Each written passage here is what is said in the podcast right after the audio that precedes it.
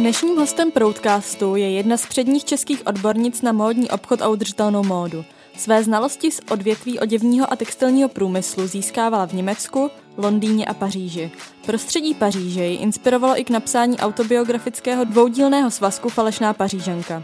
Když ji opustila touha po kariéře módní návrhářky, začala se více zajímat o udržitelnou módu. Z toho vznikla kniha Slow a pražský dvoudenní event Slow Days, který je naplněn přednáškami na téma udržitelné módy a životního stylu obecně. Víc nám o své tvorbě a pomalých svácích, které nás co nevidět čekají, prozradí Kamila Boudová. Dobrý den do Paříže. Dobrý den. Dobrý den všem do Čech. Před rokem vám vyšla kniha Slow, průvodce pomalým životním stylem, kde nemluvíte ale jenom o pomalosti v šatníku, ale celkově ve všech aspektech, které nás obklopují. Můžete mi zmínit, jaké další to jsou? Uh, já myslím, že ta kniha, jestli si dobře vzpomínám, tak začíná tím, eh, co to je rychlý životní styl a co to je pomalý životní styl, takže to tam najdete. Vlastně, že to začíná tím, že my dneska žijeme hrozně zrychleně, takže my potřebujeme trošku zpomalit, abychom se dostali do své přirozenosti. A pak tam je inspirace na to, jak se dá různými způsoby zpomalovat. Vlastně to celé o přenastavení mysli na to, abychom mohli si život více užívat.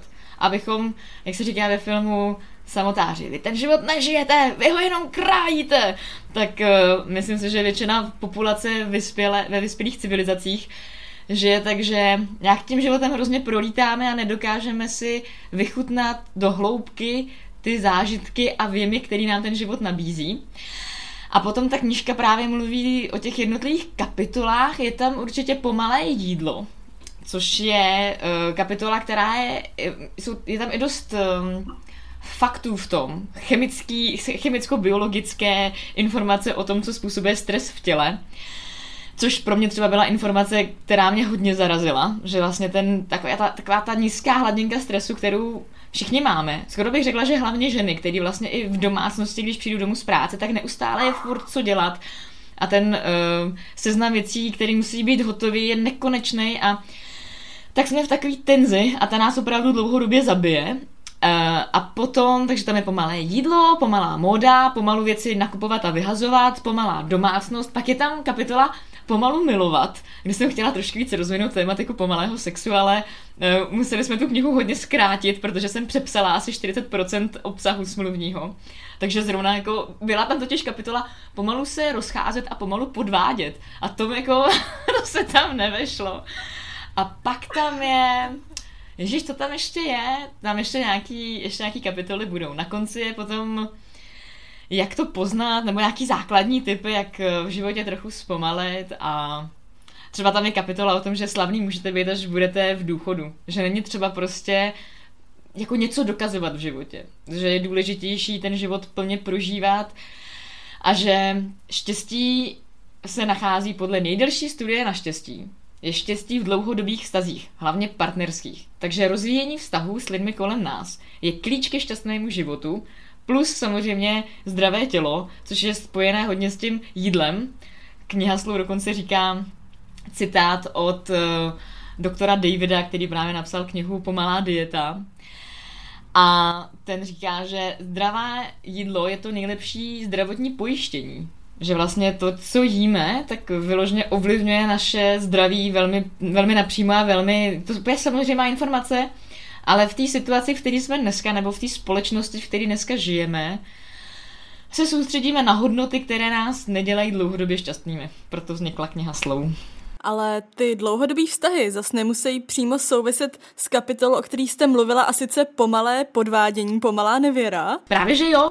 Protože pomalu podvádět, já vám vysvětlím, o čem byl ten, uh, o čem byl ten uh, odstavec, který vyškrtli. Ten odstavec říká, že pokud do života přijde možnost podvést partnera, s kterým dlouhodobě žijete, tak uh, uh, to pravidlo je, že než políbíte toho třetího v tom trojuhelníku, tak zavolejte vašemu partnerovi a řekněte mu o tom. Jako udělejte to tak pomalu, že to neuděláte na tajňačku, ale prostě, když jako by mělo dojít k tomu polipku, tak řekněte, pardon, vylezte z toho klubu, vezměte telefon a zavolejte svýmu partnerovi z respektu, že s ním jste v dlouhodobém stavu a zavolejte mu a řekněte mu, je to mezi náma tak na prd, že mě se tady teď naskytla příležitost jako ulítnout si s někým jiným, takže já ti volám a rozcházím se s tebou, protože jsem zjistila, že ten člověk, který tady je se mnou v tom klubu, je lepší než ty. A to je kapitola o pomalém podvádění. Takže ono ve finále to dopadne tak, že z toho klubu odejdete a už se tam nikdy nevrátíte, protože pochopíte, že člověk, kterého máte doma v tom dlouhodobém vztahu, je pro vás cenější než ten potenciální úlet. Takže to doopravdy není pomalý podvádění. No a já bych se ještě chtěla vrátit k těm svátkům, protože to téma zpomalení se určitě týká i svátků. A tento rok nás čekají vzhledem k té situaci takový nevšední Vánoce, na které nejsme jako národ zvyklí.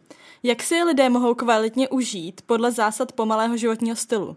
Uh, tam je těch věcí hrozně moc. Já o tom od září píšu uh, blog u nás na stránkách pomalé Vánoce.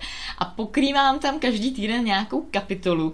Poslední třeba byla na téma pomalu bár, dárky zabalit. Čili místo toho, že fofrem naběhnu do obchodáku, koupím balící papír, tak hledáme jiné možnosti, jak dárky zabalit, aby to bylo prospěšnější pro planetu. Vlastně celý to zpomalení v tom konzumním životním stylu, ve kterém dneska frčíme, výrazně odlehčí planetě Zemi a tím možná zachová lidskou rasu tady na té planetě, protože aktuálně opravdu si řežeme větev, na který sedíme, jako lidstvo. Takže celé zpomalení, což dokazuje třeba i covid, pak způsobí, že se trošku sníží ten konzum nebo se bude víc koncentrovat na smysluplnou konzumaci, čili podpora lokální produkce, eh, opravdový jídlo a takovéhle věci. Eh, takže Poslední kapitola byla o pomalém zabalování dárku třeba do textilních pitlíků nebo do starých novin nebo do obalu z Loňska. A Jinak úplně ze začátku to bylo právě o tom nastavení si toho, jak ty svátky vůbec mají vypadat. Protože celá vlastně i ta kniha říká, že aktuálně žijeme v nějakém nastavení, v nějaké společnosti, která má nějaké hodnoty, které my vyznáváme, ani nevíme proč, protože to dělají všichni, protože to právě říkají média a tak dále. A už, jsme, už se ani neptáme sami sebe, jestli nám tohle to vážně vyhovuje. Takže pomalé Vánoce začínají tím, že si řekneme, Vánoce tak, jak je slavíme doma podle toho našeho zaběhlého scénáře, jsou to svátky, které si opravdu užíváme? Má to opravdu smysl, to, co se tady děje? Mm, a pokud přijdeme na to, že úplně ne, že je to třeba pro někoho stresový, ženy místo svátků mají prostě stres s tím, že hrozně moc jako vářej, pečou, uklízej a jestli si to užívají, tak je to úplně v pořádku. Já jsem třeba v sobotu vyšurovala i sklep u mě doma, takže, a hrozně jsem si to užila, takže to je v pořádku. Ale jakmile je to zdroj nepříjemných pocitů a stresu, pak z toho je ta hlava, nebo ta, ta, ta žena jako ten, Eh, to jádro té domácnosti, ona je z toho potom nervózní, nespokojená, pak začne peskovat všechny okolo a ta atmosféra se tím pokazí. Už to není sváteční atmosféra. Takže je to první otázka, jestli tak, jak slavíme svátky, nám vyhovuje. Pokud to tak je, tak super. A pokud ne, tak je to o tom, že si řekneme, co by nám ty svátky opravdu zlepšilo. Třeba to, že nebudeme mít okna. Třeba to, že nebudeme pít 20 druhů cukroví, ale jenom 4. A na druhou stranu někoho to baví. To jako není o tom, že se nemá pít 20 druhů cukroví. Je to o tom, nastavme si život tak, aby nás opravdu těšil, aby jsme měli čas na to dohloubky prožít spojení s lidmi, s kterými trávíme ten den, zavzpomínat na to, co se dělo před rokem nebo před pěti, opravdu si, opravdu si to užít. A pak je tam určitě důležitá otázka dárků, což tady v ten okamžik je skoro pozdě o tom mluvit.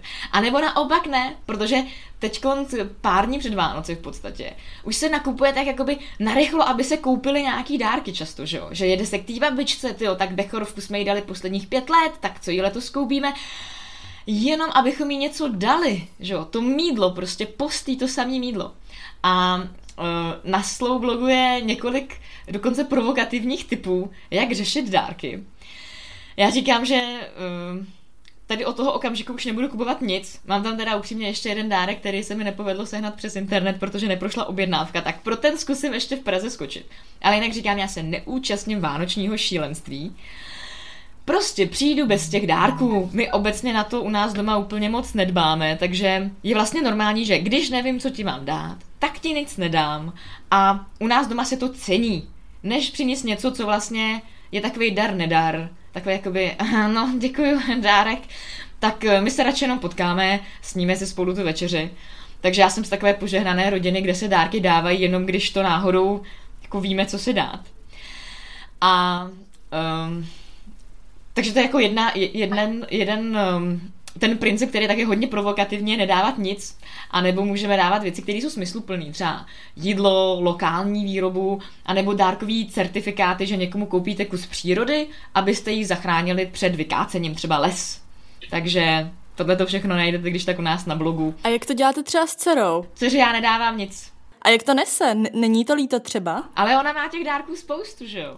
Protože ona třeba loní byly tři roky a dostala Uh, vlastně babička jí chce něco dát, děda jí chce něco dát, uh, pak přijede sestřenice tady taky chce něco dát. A prostě ona dostane tolik dárků od všech lidí kolem, že to tříletý dítě nedokáže víc než čtyři nebo pět dárků najednou stejně pobrat. Ona je ani všechny nerozbalila, protože toho bylo moc a já jsem jí ani nic nedala. Protože ona těch dárků dostává hrozně moc všude okolo, takže já se s tím vůbec nelámu Takže to vlastně vůbec líto není.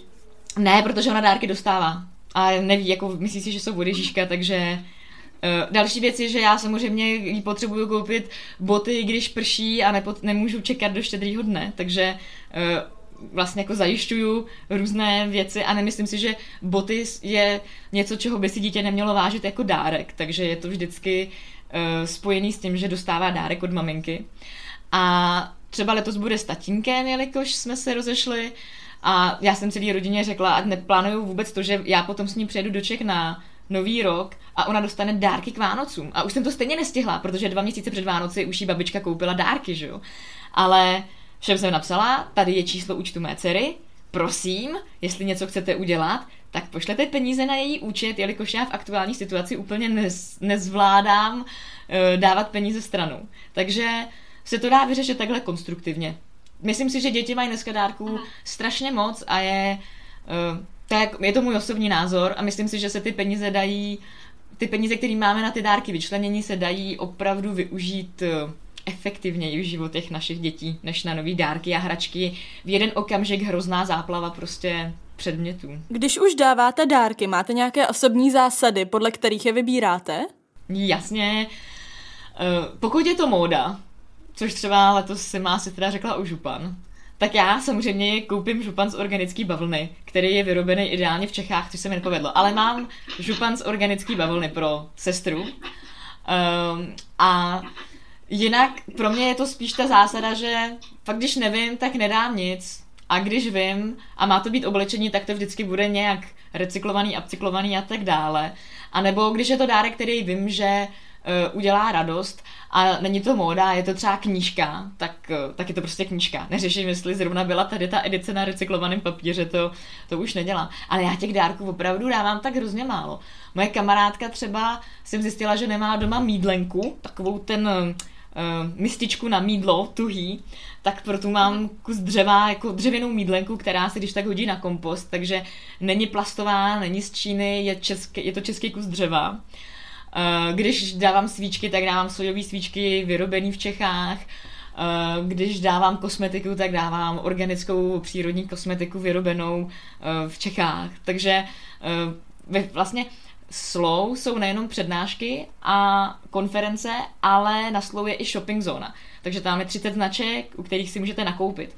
Takže moje zásada je, že pokud dávám něco, co je v této kategorii, tak to bude od značek které se prezentují na slou, protože tam už máme naši selekci. Konkrétní oslava Vánoc, jak u vás probíhá doma? Samotný štědrý večer? Tak my asi den předtím chodíme do lesa většinou a na štědrý den, vzhledem k tomu, že i já jsem z, roz, z rozvrácený rodiny, tak eh, celý den jsme s tátou u rodiny z tátovy strany, kde se taky jde k tůni a jinak se tak sedí, leží, jí se cukroví a vyprávíme si, co se celý rok dělo, nebo v posledních letech. A to je vždycky velká sranda, to je prostě super, že nás tam, ta strejda bratranci moje ségra, takže uh, je nás tam docela hodně, ještě jako tety, tety strejdové, bratranci a v množném čísle s jejich dětma. A večery zase s maminkou na maminčině straně a klasika já teda vegetariánskou večeři a přemýšlím, jestli zachováváme ještě nějaký tradice. Občas pouštíme lodičky, svíčky, dneska v práci jsme házeli už škrpálem, takže vdá se jenom naše 14-letá stážistka. A co ještě tak zachováváme většinou, když teda je doma nějaký dítě, což letos nebude, tak se jde ven vyhlížet Ježíšek, mezi tím zbytek dospělých nasype ty dárky pod stromeček, stromeček se zdobí tak den před Vánoci, nebo dva. A určitě jsem na něco zapomněla. Máme vždycky jedno místo u stolu pro uh, náhodného chudého kolem jdoucího a jednou třeba moje ségra vy, vyrobila hru, stolní hru, kde každý jel na ty Vánoce od někať. Já jsem v tu dobu žila v Londýně, takže já jsem měla na tom plánu, že začínám v Londýně a babička ta šla od sebe domů k nám a byla to taková hra vyloženě uh, udělaná na tu situaci naší rodiny podle toho, kdo odkud jel a máma musela připravit salát a takovéhle věci. Takže v takovém poklidu. Takovém, takovém poklidu. A fakt nás já si pamatuju Vánoce, kdy jsme měli pod stromečkem hrozně moc dárků, samozřejmě, když mi bylo třeba 12 nebo 10, tak tam fakt byla ta záplava těch dárků. A to je fakt úplně jako... Dneska už je to tak úplně nedokážu se ani představit, naopak mám spíš problém s tím, abych volala všem, prosím vás, nic mi nekupujte, jestli něco chcete koupit, tak organickou čočku, to vím, že s ním, ale jinak já myslím, že fakt taková nejhorší scénář na Vánoce je ten dárek, který je jako trochu mimo mísu. A takové ty diplomatické úsměvy. A, no, moc děkuju, no. Krásný. Před chvílí jste nakousla Slow Days, což je tedy event, který funguje už kolem pěti let a pr- tradičně se koná v pražské Hauch Gallery, vyslovuju to správně? Mm-hmm, poslední dva roky jsme v Hauch, ano. Co je smyslem tohohle eventu, kdybyste to měla přiblížit někomu, kdo tam ještě nebyl? Jo, kdybych měla říct ten účel a smysl toho, jak to vzniklo, tak já jsem uh, kolem roku 2013 začala hodně mluvit o udržitelné modě v Čechách na Fashion Weeku a, a a pak um, jsem vedla v Čechách kampaň Fashion Revolution a furt jsem o tom mluvila, že jsou hrozný pracovní podmínky a strašně moc chemie a uh, pesticidy, herbicidy, nádory, prostě hrůza.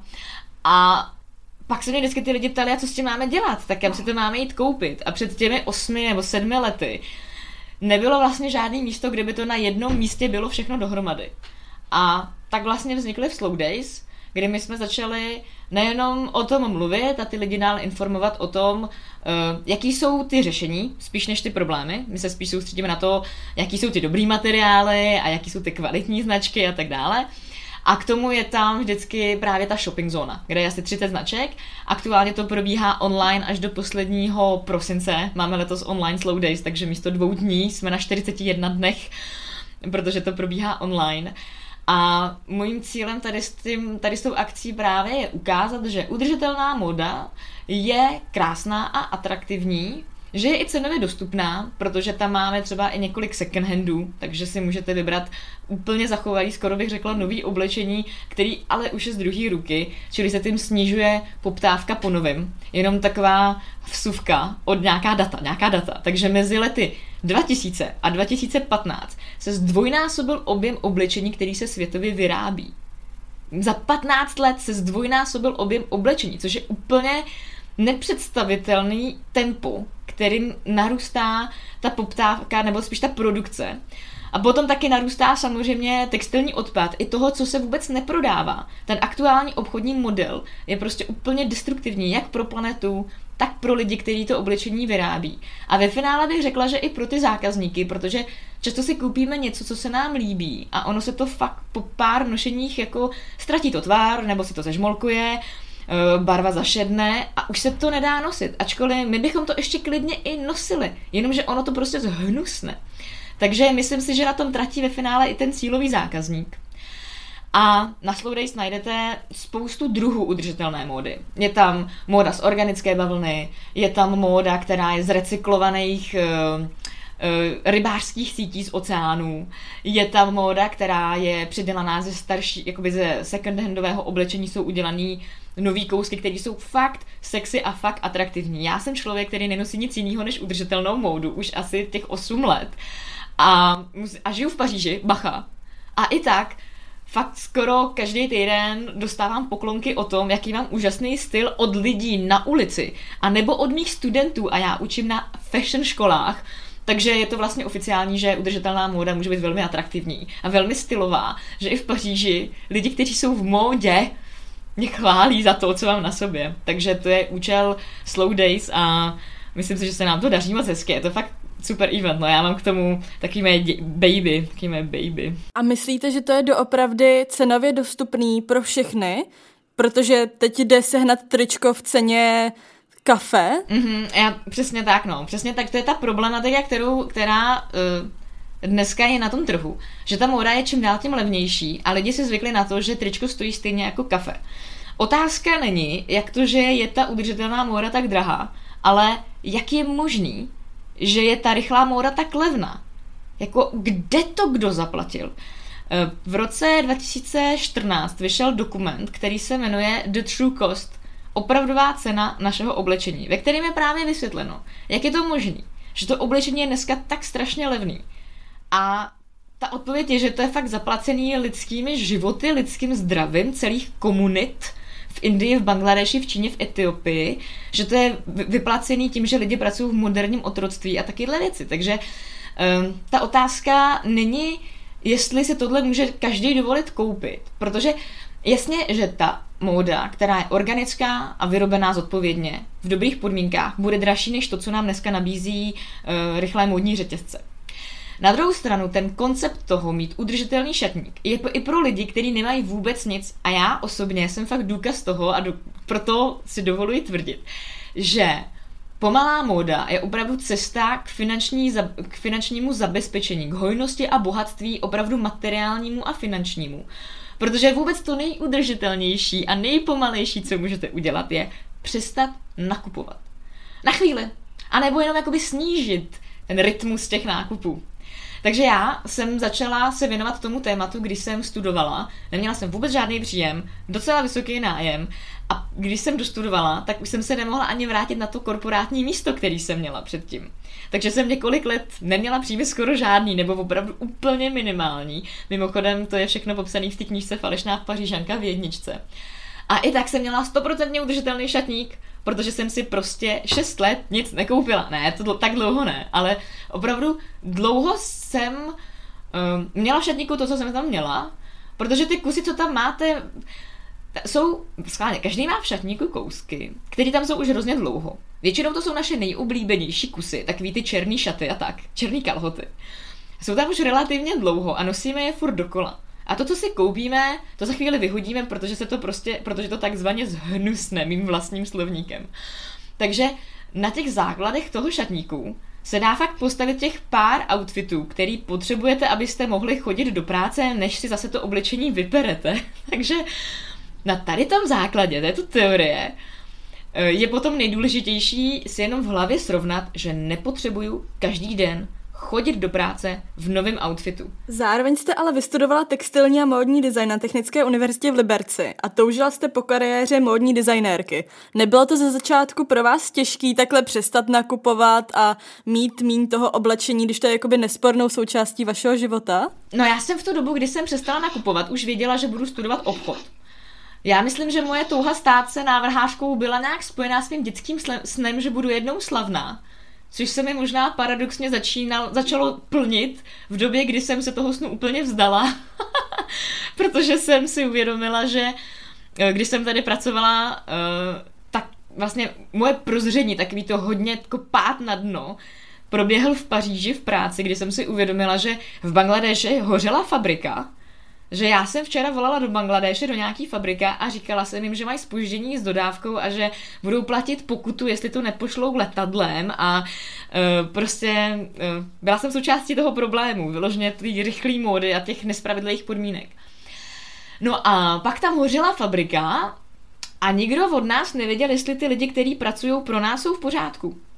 Prostě ta firma vlastně, mezi firmou a tou fabrikou stojí nějaký agent, a ta firma, která pak prodává to oblečení, vlastně vůbec neví, v jakých podmínkách to tam celý probíhá. A pak jsem se tomu začala věnovat víc a víc a uh, bylo to pro mě možná na začátku složitý. Jasně, protože ta jednoduchá cesta bacha vede do pekla. A když chcete něco v životě pořádného, tak to vždycky začíná nějakým odříkáním nebo nějak, něčím, dejme tomu, těžkým. Na druhou stranu, já už jsem, já jsem si pak uvědomila, že už tom nemůžu dál pracovat, takže by byla velká, uh, velký pokrytectví si to dál kupovat. musím říct, že tam mám třeba prohřešek, když jsem žila v Číně potom za studií. A tak jsem řekla, on tak made in China, tak to je lokální produkce, tak jsem si tam koupila nový boty a nový šaty, jo. S tím, že jsem si řekla, no to je tady lokální produkce, ne. Ale jinak jsem si fakt nekoupila nic, ale co je na tom vlastně hezký, na tom pomalém šatníku, co vnímám do dneška, je, že tam teprve se probouzí ta opravdová kreativita. Protože jít do obchodu a koupit si něco nového fakt není žádná kreativita. Ale ta kreativita je v tom, že no tak máme tady tričko, já bych jsem třeba chtěla takový a takový tričko, no tak pojď tak, tady ustřihnu, tady zašiju, tady přišiju nějaký jako šutry na to, tady to postříkám barvou a tady si zašiju díru a tady přišiju knoflík. Takže pro mě vlastně to probudilo tu opravdovou kreativitu, kterou já jsem uh, zažila v tom, v, jako v pubertě, kdy jsem se připravovala na dráhu módní návrhářky a fakt jsem šila každý den, jsem šila úplně furt, takže se mi takhle vrátilo zpátky ta, to tvoření toho šatníku, i to tvoření ve smyslu, no tak jak by se to dalo k sobě nakombinovat. A teď, když vezmu tu košili a takhle na ní udělám ten uzel, tak to vypadá úplně super. A přitom je to furt ta dlouhá tunika, ale ono se dá takhle zagumičkovat a vypadá to jako crop top. Takže naopak, ve finále je to mnohem kreativnější proces, než jít si koupit nový šaty. A třeba letos v létě jsem si, letos jsem si přála hrozně nový šaty, jelikož z kalhot přecházím na sukně a šaty s tím věkem, hold ta žena zraje. A tak je tam i ten kreativní proces toho, no tak, kde by se dali sehnat šaty, protože já si je prostě nepůjdu koupit do normálního obchodu, takže uh, Vinted, případně uh, se stavit jako u kamarádek a zeptat se, co doma nenosej. A nebo já mám u mě doma kamarádky přijdou, tak já vytáhnu tašku, ve který mám v oblečení, který já nenosím. A říkám, hele Karin, tady ty šaty, já už je nebudu nosit, nechceš si je vzít? A ona si je vezme. A na tom je hrozná výhoda v tom, že až já si jednou vzpomenu, že bych je zase chtěla nosit, tak vím, kde je najdu. Takže to je ještě jako větší vychytávka než second hand. Je takhle sdílení oblečení s kamarádkama. Takže Naopak, je to o to kreativnější. A co byste doporučila do začátku těm z nás, kteří pořád tápou a nevědí, jak s tím pomalým životním stylem a tou módou začít? Jo, já bych vás pozvala k nám na stránky, kde si můžete zdarma stáhnout uh, e-book Jak mít vždy co na sebe. Protože to je ta frustrace každé ženy. Skříň mám narvanou a nemám co na sebe. A tam žena, protože je obklopená tím prostředím eh, reklamním, tak si řekne, tak já si skočím něco koupit. No ale to je vždycky otázka jako pár dní až týdnů, kdy si řekne znova, já zase nemám co na sebe. No ty šaty se srazily, zežmulkovaly, vytáhly, vlastně mi nesedějí, vlastně se v nich necítím dobře, protože ten materiál není kvalitní. Eh, a v e-booku Jak mít vždy co na sebe najdete hrozně kreativní proces, eh, kde si jako první nastavíte vlastní styl. Opět, je to mnohem kreativnější, než jít do obchodu. Je zamýšlet se nad tím, co se mi vlastně líbí, aniž bych se nechala spláchnout tím, jaký jsou aktuální trendy. Protože my si říkáme, že se nám líbí nejdřív slim kalhoty, teď zase jako jedou ty široký kalhoty, že jo, za pár let zase pojedou prostě rovný kalhoty. A my si vždycky myslíme, že se nám to líbí, protože nás to všude obklopuje. Ale kdybychom se jakoby odstoupili od tady těch všech um, trendů, který vždycky nás prostě vizuálně začnou bombardovat však z reklám, z výloh, tomu se nedá fakt vyhnout. Tak uh, když si jako dokážeme tady od toho odstoupit, dáte takový reklamní detox na maximum, maximální reklamní detox, tak vlastně jaký je můj styl? Líbí se mi, jak se oblíkají pařížanky, nebo se mi spíš líbí nějaký jakoby švédský minimalismus, nebo se mi vlastně líbí takový ty vysoký pasy a nadrhaný sukně, jak z českých krojů vlastně. Co mi sluší, co té mojí figuře fakt jakoby sedne? Můžeme si klidně jako vygooglit uh, styling podle typu figury a někdo je hruška, někdo je jabko a nevím, já tohle nejsem úplně stylistka. Ale vlastně začít tím, líbí se mi podpatky, jaký mi sluší barvy, analýza vlastního šatníku. Jaký je ten univerzální základ, který by neměl chybět v žádném šatníku každé ženy? Uh, organické spodní prádlo. Protože uh, já si myslím, že tohle to přesně už jsou zase jenom to není vůbec individuální, každá žena je jiná. Já fakt znám ženy, které by si na sebe v životě nevzali kalhoty, protože jim to prostě není příjemný. A pak znám ženy, které by se na sebe nikdy nevzali sukni, protože jim to není příjemný. Takže já bych opravdu začala na té kůži a tím organickým, uh, pohodlným spodním prádlem. Tím to mě začíná. A na to ostatní už nejsou pravidla. Já třeba sama si uvědomuju, že jak jsem každý týden mého cyklu úplně jiná žena. A jak už třeba jenom cyklus fakt ovlivňuje to, jestli, si nas, jestli chci vypadat jako uh, taková ta jako power woman, protože mám hrozně moc energie, já hodně pracuji, já jdu do školy, a pak do práce, a pak do concept storeu a prostě jako mám hrozný drive. A nebo jestli jsem strašně unavená a chci být vlastně neviditelná a mít na sobě jakoby ten domeček. Takže já bych vůbec nedávala žádný pravidla tady toho typu. Řekla bych právě každé ženě, ať si sama v sobě najde ty své vlastní pravidla a to si potom dá do toho šatníku. Vy jste před chvílí nakousla knížku Falešná pařížanka, což je vaše první. Pokud vy jste teda falešná pařížanka, tak jaký jsou ty praví? No ty praví si mnohem víc stěžujou. Myslím si, že to je ten hlavní, uh, to je ten hlavní rozdíl mezi námi.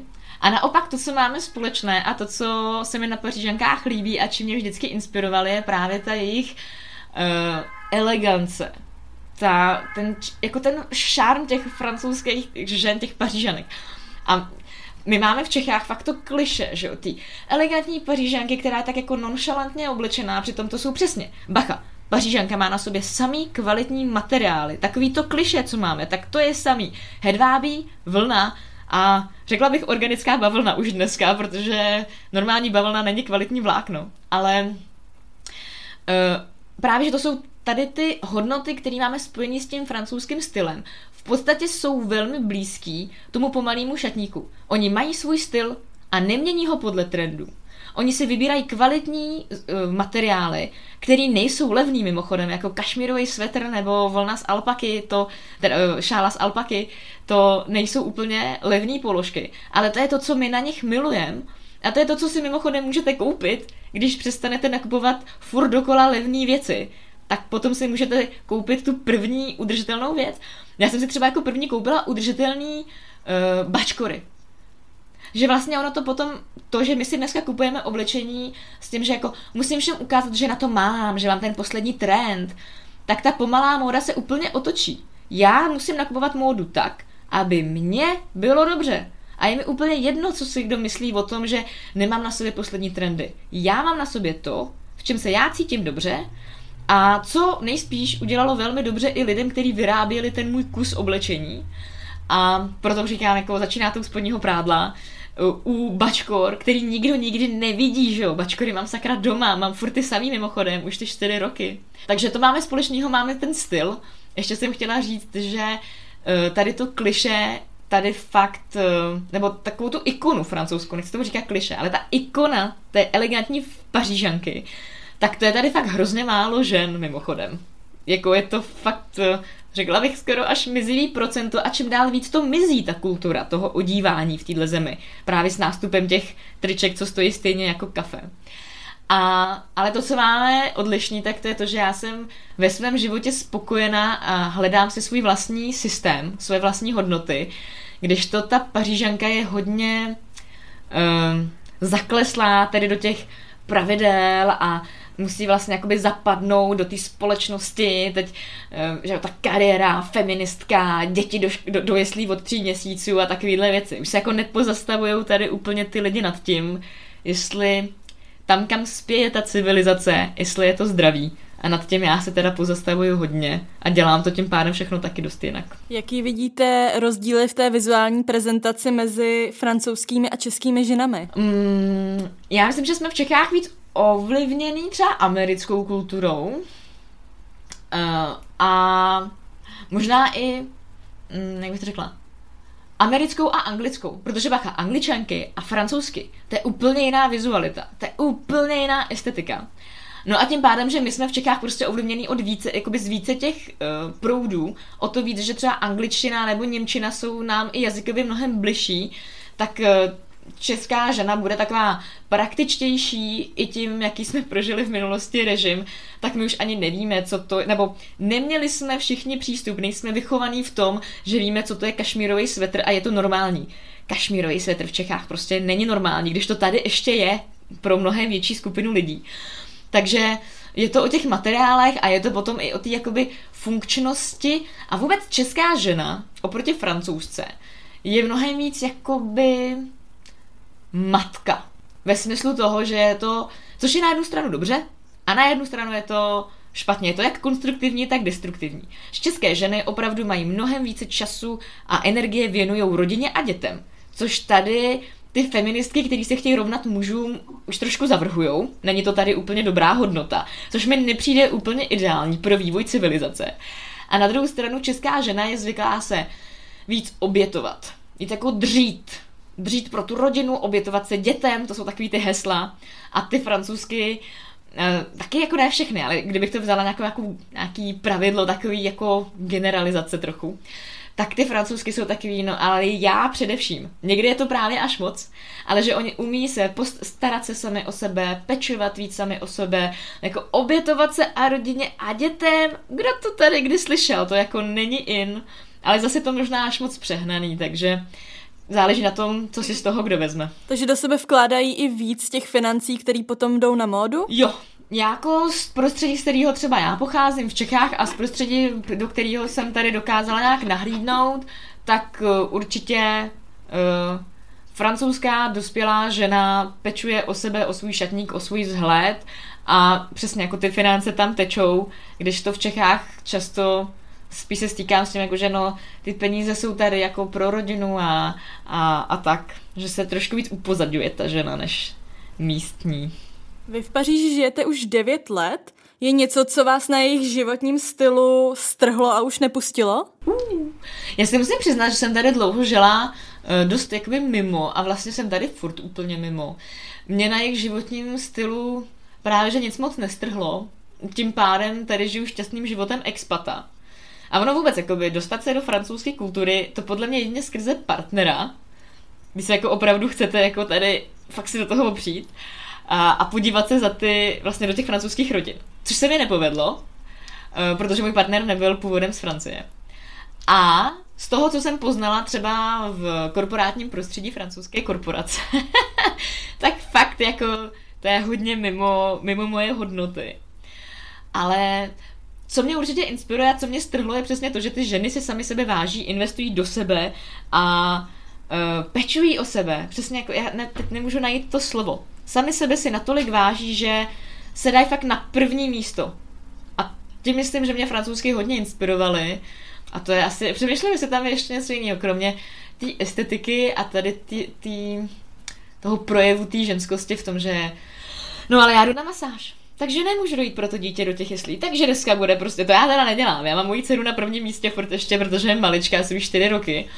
Ale není to takový, že bych si říkal, no tak tady musím se jako ušetřit na něco. Je to taky hodně carpe diem za mě teď jako, no dneska máme peníze na účtu, jdeme na masáž, takže tady v tom mě hodně inspirovali. O návod na pomalé vánoční svátky a udržitelný šatník se s námi podělila odbornice na módní obchod Kamila Boudová. Děkuji, že jste se se mnou z Paříže spojila a přeji krásné svátky. Vám taky, Dané, mějte se krásně. Od mikrofonu se loučí Daniela Vojnarová. Děkuji, že jste nás poslouchali.